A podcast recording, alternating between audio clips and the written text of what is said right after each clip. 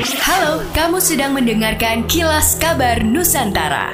Podcast persembahan KG Radio Network menyajikan berita harian yang mengangkat keunikan dari berbagai wilayah Indonesia. Kilas Kabar Nusantara dapat juga didukung oleh pengiklan loh.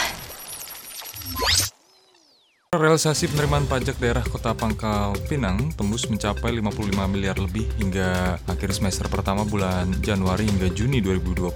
Kepala Badan Keuangan Daerah Kota Pangkal Pinang Budianto melalui Kepala Bidang Penagihan dan Pengendalian yang Artomo Effendi menyebutkan penerimaan pajak telah mencapai 46,29 persen dari target sekitar 47,6 miliar rupiah pada semester pertama.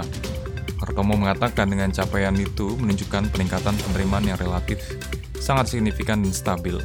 Penerimaan pajak ini merupakan cerminan perkembangan perekonomian di mana penerimaan pajak ini sudah mulai masuki zona positif.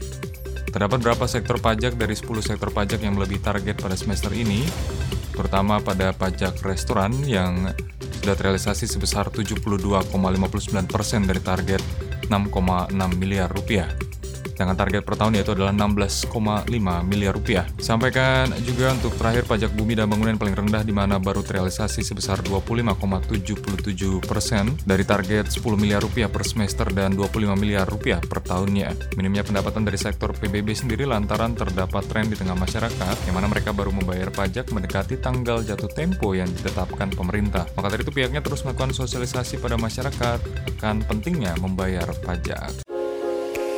Kamu tidak percaya diri dengan penampilanmu? Podcast Semua Bisa Cantik hadir untuk membantu mendefinisikan dan merangkul arti cantik yang sesungguhnya. Dengerin podcast Semua Bisa Cantik dari Media by KG Media dan Stylo Indonesia di Spotify.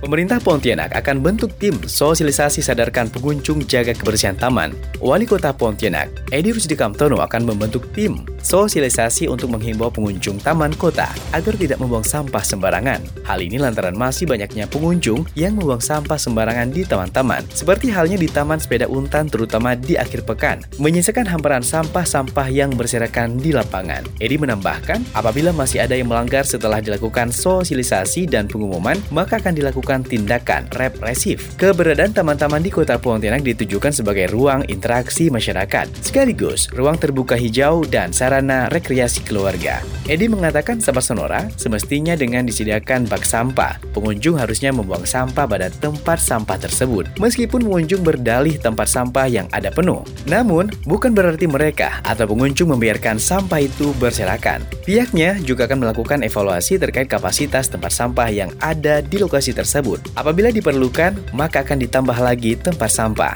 Namun menurutnya, sebesar apa pun tempat sampah yang disediakan, apabila perilaku membuang sampah sembarangan masih saja dilakukan, maka taman akan terlihat kumuh. Dinas Peternakan dan Kesehatan Hewan DPKH Provinsi Sulawesi Selatan mencatat sebanyak 2.000 lebih ekor hewan ternak telah mendapat vaksinasi pencegahan penularan penyakit mulut dan kuku PMK. Kepala Dinas DPKH Sulsel Nurlina Saking mengatakan ribuan ekor ternak itu berasal dari lima kabupaten dan kota di Sulawesi Selatan yakni Kabupaten Bone, Toraja Utara, Makassar, Kabupaten Jeneponto, dan Banteng. Nurlina merinci hewan ternak yang paling banyak divaksinasi sampai saat ini berada di Kabupaten Bone dengan jumlah 1.918 ekor, menyusul Kabupaten Banteng 428 ekor, Toraja Utara 189 ekor, Jeneponto 70 ekor, serta Makassar sebanyak 29 ekor. Sedangkan untuk dua daerah lainnya yakni Kabupaten Takalar dan Endrekang masih menunggu pengiriman vaksinasi dari provinsi. Nurlina menambahkan pihaknya terus berupaya untuk mempercepat proses vaksinasi kepada hewan ternak agar penyebaran wabah PMK dapat terkendali. Selain itu, Pemprov Sulsel bersama 15 kabupaten dan kota juga kompak membentuk Satuan Tugas Penanganan dan Pencegahan Penyebaran PMK. Belasan daerah yang telah membentuk Satgas PMK itu di antara antaranya Kabupaten Pinrang, Tanah Toraja, Toraja Utara, Pangkep, Cireponto, dan Bone. Demikianlah kilas kabar Nusantara malam ini.